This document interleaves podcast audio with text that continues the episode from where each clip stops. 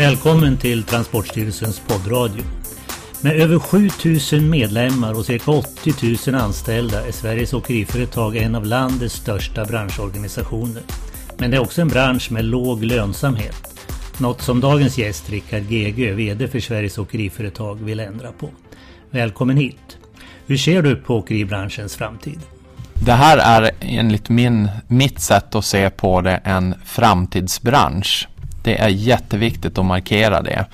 Och varför säger jag då det? Jo, om man lyssnar på Trafikverkets prognoser så visar det sig att eh, till 2030 så kommer transportvolymerna att öka med 70 procent och ytterligare 50 procent till 2050.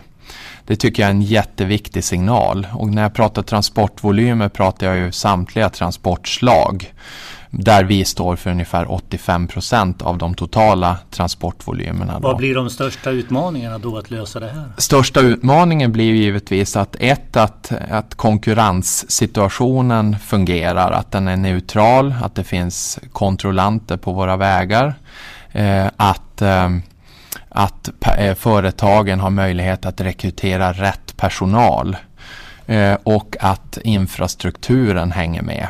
Det är ju stora utmaningar. Ehm, att jag säger att det är en framtidsbransch visar också på att ehm, de som går transportutbildningarna har lättast att få jobb idag.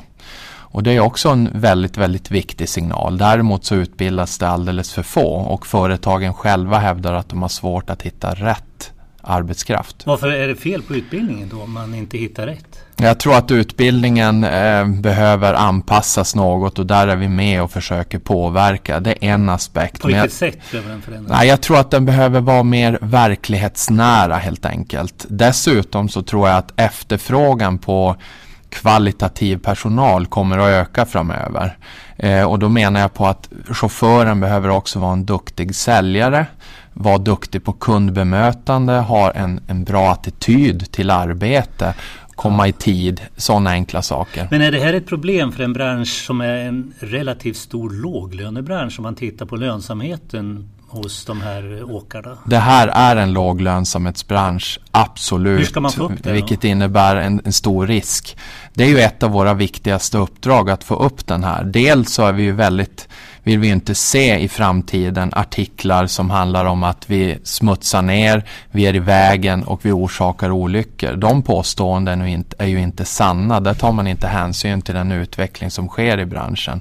Vi försöker med att ta ansvar genom Fair Transport där vi visar på att våra medlemsföretag och de som väljer att göra ställningstagandet har trafiksäkra transporter, de tar ett socialt ansvar för medarbetarna och de har klimatsmarta transporter. Gör man det i tillräcklig utsträckning? Inte i tillräcklig utsträckning, men jag tror att det här kommer att bli, det går inte att göra affärer på en död planet, det är min utgångspunkt. Lönsamhet och hållbarhet går hand i hand. Vi vet att konsumenten tänker miljö i sju av tio fall när de konsumerar idag. Så att ha ett hållbarhetsperspektiv som företag idag, det är, för, det är en överlevnadsfaktor framöver. Men samtidigt så vill ju politikerna ofta att man ska åka mindre på våra vägar och färre transporter med tunga fordon och mer på järnväg järnväg. Hur ja, precis. Jag, eh, jag kan väl säga som så att om transportvolymerna nu kommer att öka, däribland eh, vägtransporterna en väsentlig del. Titta bara på internethandeln som växer med 20 procent per år ungefär. Det kommer vi se framöver också. Jag tycker det är synd att politiker har en tendens till att inte ha en helhetssyn när det gäller transporter. Våra transporter är ju faktiskt i huvudsak väldigt, det är korta transporter, merparten är under 15 mil. Eh, transportslag kompletterar varandra mer än konkurrerar. En av våra största kunder är järnvägen. Jag tror vår näring är bekänt av en fungerande järnväg också. Men den är ju inte fungerande idag och det är ett problem. Ett annat sånt här problem som ni brukar ta upp det är ju de utländska åkarna och de villkor som de jobbar över. Eller under rättare sagt. Hur ser du på det? Ja, det här är ju en av eh, de mest kontrollerade branscher som finns. Eh, och eh, det unika med den här branschen är att näringen själv efterfrågar fler kontroller. Och där har vi en jättestor utmaning. Vi har ett jättedigert eh, regelverk. I huvudsak är ju regelverket okej. Okay. Sanktionerna kan man diskutera. Vi har förslag på vissa sanktionsförändringar också. Men problemet är att upptäcktsrisken är i princip obefintlig. Och antalet poliser på våra och vägar. Och antalet poliser på våra vägar. Vi har ju nyligen skrivit en debattartikel om att om sju år är den kvalificerade delen av trafikpolisen utrotningshotad. Om statusen är att vakta ett cykelförråd kontra eller att vara trafikpolis och det är det finaste man kan vara eller att de ställs i samma område om man säger så. Så är det någonting som är en allvarlig situation. Så att kvalificerade kontrollanter på våra vägar är någonting vi efterfrågar. För annars spelar det, det ingen roll. Det går åt andra hållet. Det går, det går åt andra hållet och eh, tyvärr ser jag ingen politisk ambition att förändra den delen heller. I de här sammanhangen pratar man ju ofta om cabotage, alltså där utländska förare är in och kör inrikestrafik i Sverige. Har det mm. ökat tror du? Ja, det, tyvärr, vi har svårt. Vi, det finns en studie som är cabotagestudien studien från Lunds universitet. Eh, den visar ju på att det förekommer sannolikt illegala transporter. Eh, exakt hur stor andel, det är svårt att säga. På europeisk nivå har man också väldigt dålig statistik. Man har helt enkelt en dålig uppföljning på de transporter som sker på våra vägar. Och med en obefintlig i princip mängd trafikpoliser så är det ju också svårt att säga det. Men att det förekommer och oberoende av hur många det är eh, så smittar det, färgar det, den, de illegala transporterna färgar ju bilden av branschen. Men vad tror du? Tror du att det har blivit fler? Och prisbilden. Tror du att det har blivit fler sådana? Jag tror absolut det har blivit fler, det har det. Vi, eh, vi har ju efterfrågat ett bra statistikunderlag så att vi med säkerhet kan uttala oss. Och, vilket vi inte har. Så att det vi gör från branschens sida det är att vi själv ställer oss på vägarna eh, årligen och räknar förhållandet mellan utländska och svenska fordon. Och vi ser ju en tydlig ökning av andelen utländska fordon på våra vägar. Därmed inte sagt att alla de transporterna är olagliga. Men av dem så borde det sannolikt finnas en ganska hög andel som aldrig lämnar landet. Det visar ju också cabotagestudien. Du lyssnar till Transportstyrelsens poddradio och ett samtal med Sveriges Åkeriföretags VD Rickard Gege. Och eh, en fråga som också har kommit upp nu på senare år det är det här med att man ska införa vägslitageskatt eller kilometerskatt eller vägskatt vad man nu vill kalla det. Och det här är någonting som ni inte gillar på åkeriföretagen. Vi ställer oss väldigt tveksamma till ytterligare en vägslitageskatt, vägslitageavgift eller kilometerskatt. Den har bytt namn ganska många gånger. Det står helt klart att eh, vi tidigare har haft en sådan skatt som har skatteväxlats mot en annan skatt. Eh, det står helt klart också att eh, man vill överföra mer pengar till järnväg, alltså att det är en finansieringsmodell. Så att branschen är tveksam, men återigen det är väldigt sannolikt att man vill växla ut Eurovinjetten, tidsbaserad skatt mot en avståndsbaserad skatt och därför måste vi som expertorganisation förbereda oss. Det vi har gjort är att vi har beställt en utredning tillsammans med Transport och bilarbetsgivarna BA. Eh, där vi har haft ett fokus på eller där utredaren har haft ett fokus på just hur kan en eventuell skatt stärka svensk konkurrenskraft. Det har varit fokuset. Och om om, eh, om man ser till återigen transportslagen till sin helhet så ska vi också vara med att finansiera ett bättre vägnätssystem, en bättre infrastruktur, en trafiksäkrare in, infrastruktur.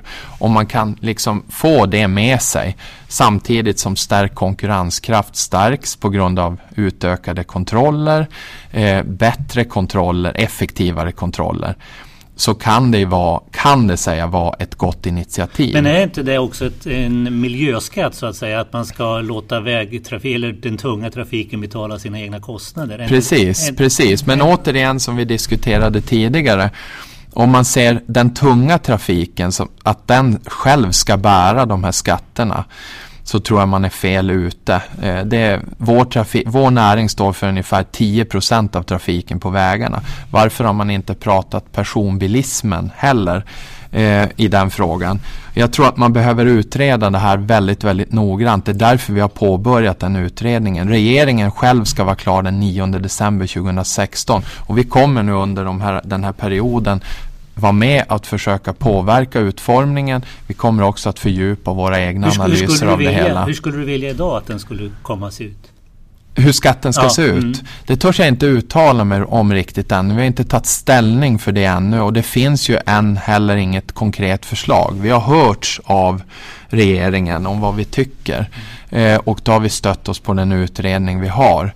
Rätt utformad kanske det här skulle kunna vara ett bra instrument att förbättra miljö, trafiksäkerhet, precis som regeringen själv har som motivation. Men framförallt konkurrensneutraliteten skulle kunna stärkas. Så det är inte klackarna i backen direkt? Utan ni vill det är ha... inte klackarna i backarna direkt utan vi, vi, vi ser det på ett nyktert sätt och, och ser möjligheten att vara med och påverka om ett sådant förslag skulle kunna läggas. Är det här något nytt sätt? För tidigare så brukar man ju från åkeriföretagen nästan bara gnälla som man sa. Men det gör ni inte längre. Nej, vi har, ja precis. Vi har varit kanske de främsta problembeskrivarna historiskt och jag känner att politikerna känner till våra problem väldigt väl. Det man måste göra 2015 och framåt och det är den resa vi har gjort, är att man måste ha ett bra underlag, man måste vara saklig och man måste bidra med lösningarna. Det är den resan vi har gjort och det har gjort ett direkt genomslag på vår medieexponering som har ökat dramatiskt faktiskt. Är det alltid positivt? Eh, det beror på vilka sammanhang man syns inom. Det jag vill ha bort för att stärka branschens status, näringens status, det är en av våra viktigaste uppgifter. Det är att vi är i vägen, att vi luktar illa och att vi kör för fort. Där måste också branschen ta ett riktigt, riktigt stort ansvar. Vi kan inte ses i de sammanhangen. Men det är också viktigt för oss att berätta att näringen har blivit 90 procent renare de sista åren. 9 av 10 fall är inte av olyckorna är inte orsakade av den tunga trafiken, det är personbilisttrafiken. Det är yrkespersoner vi pratar om som lyder under kör och vilotider och vägarbetstidslagstiftning och så. Vi måste också berätta fakta i ärendet eh, och inte låta beskrivningarna bli så skeva som de är idag. Vilka är det som beskriver dem skevt då? Eh, generellt sett så beskrivs de skevt i media. Det gör de. För att det är anmärkningsvärt när det händer saker och ting med inom vår näring. Och jag känner också att det finns många som inte tycker att den här näringen borde få finnas. Allt på gummihjul är någonting ont och eh, även om, om de, den här näringen gick på luft så kan jag känna ibland politiskt sett. Så att det är återigen som jag inledde med att vi får inte ställa transportslag mot varandra. Det tror jag är det värsta man gör. Vi kompletterar varandra i, med de transportbehov som finns. Du lyssnar till Transportstyrelsens poddradio och ett samtal med Rickard GG som är VD för Sveriges Åkeriföretag. Ni har på senare år nu med Transportstyrelsens grundande också haft ganska mycket samtal med myndigheten om regel och hur reglerna ska utvecklas framöver. Ett sådant eh, ämne är det ni kallar schyssta villkor. Är inte villkoren schyssta idag? Ja, vi pratar ju om schyssta villkor men vi pratar också om fair transport givetvis. Nej, vi ser att eh, inom vissa segment inom näringen eh, är inte villkoren schyssta på grund av att ja, vi har ett, ett, ofta ett likriktat regelverk men vi ser också att Sverige i vissa fall tolkar regelverket hårdare än vad andra gör, mindre flexibelt. Vi ser också att eh, eh regelefterlevnaden på grund av att kontroll kontrollinstanserna saknas till stor del på våra vägar inte fungerar. Om inte det polisen, sammantaget skapar en osund konkurrens. Ja, om inte polisen är ute på vägarna i tillräckligt stor utsträckning, finns det något annat sätt att kunna kontrollera på? Nej, jag tror att man kanske behöver hitta eh, former för fler konkurrens, kon, eh, kon, vad heter det? Eh, fler kontrollinstanser helt enkelt. Det tror jag. Samverkan mellan länder är en sak men också fler kontrollinstanser nationellt. Vad skulle det kunna vara? Det är klart att Ja, det, det, skulle kunna vara privata företag, det skulle kunna vara mer av Tullverket, mer av andra myndighetsutövare. Det är klart att polisen sitter ju på myndighetsrollen när det gäller att utdöma sanktionsavgift och böter. Men kontrollen skulle kunna eh, ske av andra kontrollanter också. Även om det är väldigt kvalificerat. Men det går ju att se till att de har rätt kvalifikationer. Eh, när man pratar schyssta villkor så brukar man ju ofta prata om kör och vilotider där man från de svenska åkeriföretagen menar att man följer de här ganska bra då. Medan kanske då framförallt utländska bolag inte följer det här. Är det på det sättet? Vi önskar att vi visste mer hur det låg till. Alltså det är viktigt tror jag återigen som jag sa, man, har bra, man måste ha bra underlag, man måste prata vad som faktiskt händer och vad som har hänt. Och vi kan inte lägga en moralisk aspekt på det hela, vilket ofta, vilket ofta branschen gör också. Den är väldigt känslomässigt styrd. Och det är klart att man blir känslomässigt styrd när marginalerna är små, när man riskerar konkurs och när man är i en, i en utsatt bransch. Mm så blir man känslomässig. Men det har jag full förståelse för. Vad tror du själv? Tror du att eh, svenska åkare är bättre på att följa kör och vilotider än de utländska? Ja, det jag, det jag vet det är ju att, eh, eh, att svenska åkare har en väldigt bra grundutbildning. Det jag vet är också att svenska åkare eh, går de, de krav och måste-utbildningar som, som krävs, till exempel YKB och sådär. Det är ju jätteviktigt. Vi ska konkurrera med eh, hållbar, hållbar, hållbara transporter, vi ska konkurrera med eh, eh, kvalitet. Eh, det tror jag är jätteviktigt. Eh, lönekostnaderna är höga, det vet vi. Vi vet också att kapitalkostnaderna är höga för näringen och vi vet att drivmedelskostnaderna är snart högst i världen. Eh, och, och, då måste vi kunna konkurrera. Dels se till att det finns en sund konkurrens på vägarna men också se till att vi har de bästa transporterna. Med schyssta villkor då brukar man ju också ta upp det här med beställarens ansvar för när man beställer sin transport. Mm. Hur ser du på det? Beställaransvaret är jätteviktigt. Finnarna har gått långt och sagt att det, man har också gett en undersökningsplikt till beställarna. Eh, men hur ska man, man kunna sanktionera om man inte gör det? Nej, men det är precis det. Alltså, vad, hur fungerar beställaransvaret idag? Mig veteligt så har vi ingen dom på det. Och det jag hör från transportköpare och även den offentliga sektorn, det är att utmaningen för oss som transportköpare, det är att följa upp på ett rimligt sätt vilken typ av transport vi faktiskt har köpt. Och vet man inte det, till exempel offentlig sektor som köper transporter för miljarder. Vet man inte vilken transport man köper, man kanske vet vilken man köper, men vilken transport får du? Så är det ju ett onödigt, otroligt slöseri med skattemedel dessutom. Så jag tror att, och det här har vi ju nu jobbat stenhårt för att få till stånd en sån översyn och redan i mars 2016 så har nu regeringen ställt krav på Transportstyrelsen att lämna ett, ett förslag, ett delbetänkande på hur en, en, ett förstärkt beställaransvar ska kunna se ut och det är vi väldigt glada för. Hur skulle du vilja att det ser ut?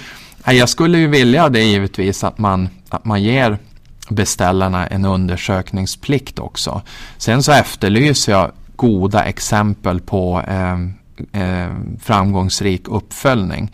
För det måste också vara rationellt för alla inblandade att följa upp en transport så att, den blir rim, så att det blir rimligt rent administrativt att göra det också.